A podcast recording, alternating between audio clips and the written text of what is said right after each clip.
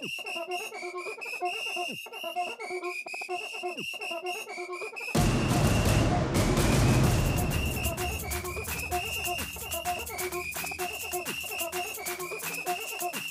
en proffscyklist i söder som började cykla tack vare holländare och både vunnit tävlingar såväl som utmanats av både den fysiska och psykiska hälsan.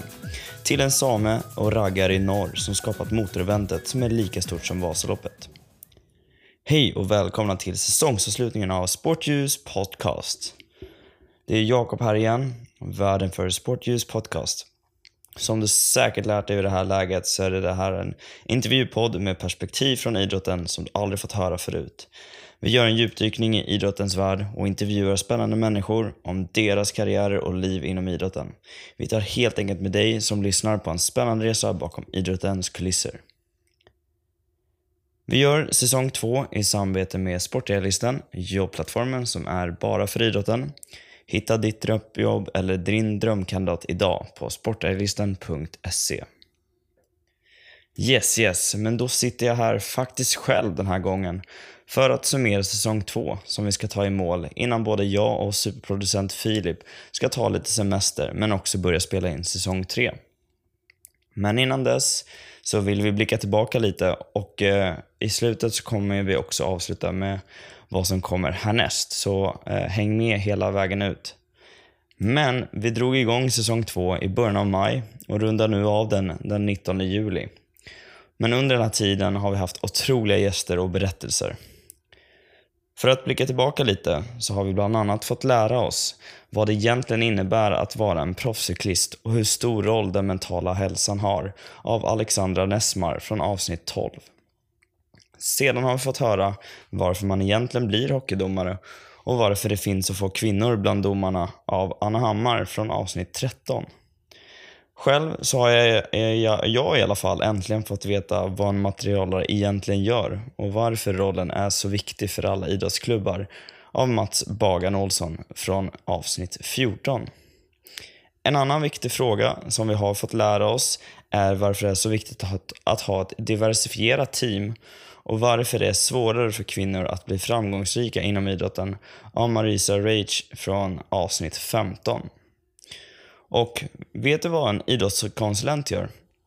Det här är en roll som finns över hela Sverige bland de olika distriktsidrottsförbunden.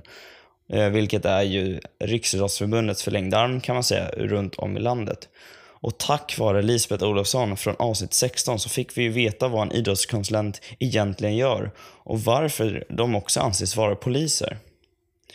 Och när det kommer till elitidrottare så får vi bland annat veta varför alla inte kan bli det och hur man skapar en bra dag tack vare Kaxton Newkey som berättar om allt det här i avsnitt 17.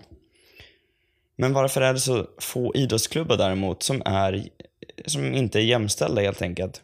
Och vad kan man uppnå av att ha en jämställd idrottsklubb? Ja, det här får vi faktiskt veta av årets jämställdhetsvinnare, Pajala HC, som vi pratar med i avsnitt 18. I avsnittet därefter, i avsnitt 19, då träffar vi Stephanie Örström som berättar hur du som atlet hanterat att bo i ett annat land med helt andra förutsättningar. Hon pratar även om vikten av att involvera sig i mer än att bara spela sin sport. Samt, kanske bäst av allt, är att det går verkligen att lära sig ett språk med hjälp av Kalle Anka-tidningar. Och något helt annat som vi har fått lära oss genom den här säsongen, det är vad ett innovationsekosystem inom idrotten är och varför lag och ligor borde fokusera på att skapa innovativa produkter, tjänster och processer. Och allt det här och lite till får vi lära oss mer av från Benjamin Kinski i avsnitt 20.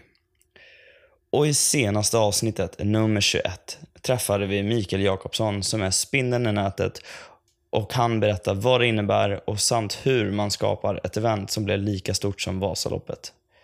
Där har vi dem, i kortfattad form. 10 unika berättelser inom idrotten som du aldrig fått höra förut. Frågan är nu, vilket är ditt favoritavsnitt? Skriv gärna till oss på vårt Instagramkonto, Sportviewspodcast och säg vilken du gillar främst. Eller kanske vilken som överraskar dig mest. Och nu vill jag verkligen att du lyssnar noga. Finns det något du vill dela mer av till andra inom idrotten? Vilken roll och engagemang inom idrotten har du, just du som lyssnar nu? Vill du vara med i ett avsnitt? Tveka inte att höra av dig till oss. Eller har du kanske några frågor till oss eh, eller till gästerna, så hör av dig. Har du förslag på gäster som borde vara med eller finns det en roll eller en sport som du verkligen, verkligen vill höra från? Säg till oss nu och tipsa oss så kan vi ta med det till säsong tre. Alright, nu har vi nått slutet på den här säsongsavslutningen och jag vill passa på att tacka dig som har lyssnat på det här avsnittet av Sportljus podcast. Men, men, jag skulle ju berätta något på slutet. Jo, det är nämligen så här. Äh, jag och superproducent Filip kommer gå på lite då semester här. Äh, men det innebär ju inte att podden ska vila. Nej. Utan vi kommer spela upp tidigare avsnitt som du kanske har missat eller glömt bort. Så från varje måndag med, efter nästa vecka så kommer vi komma med en favoritrepris fram till och med att vi kör igång säsong 3. Det är där, där har vi det. Det var det. Innan vi avslutar, så glöm inte att prenumerera på podden för att inte missa nästa säsong.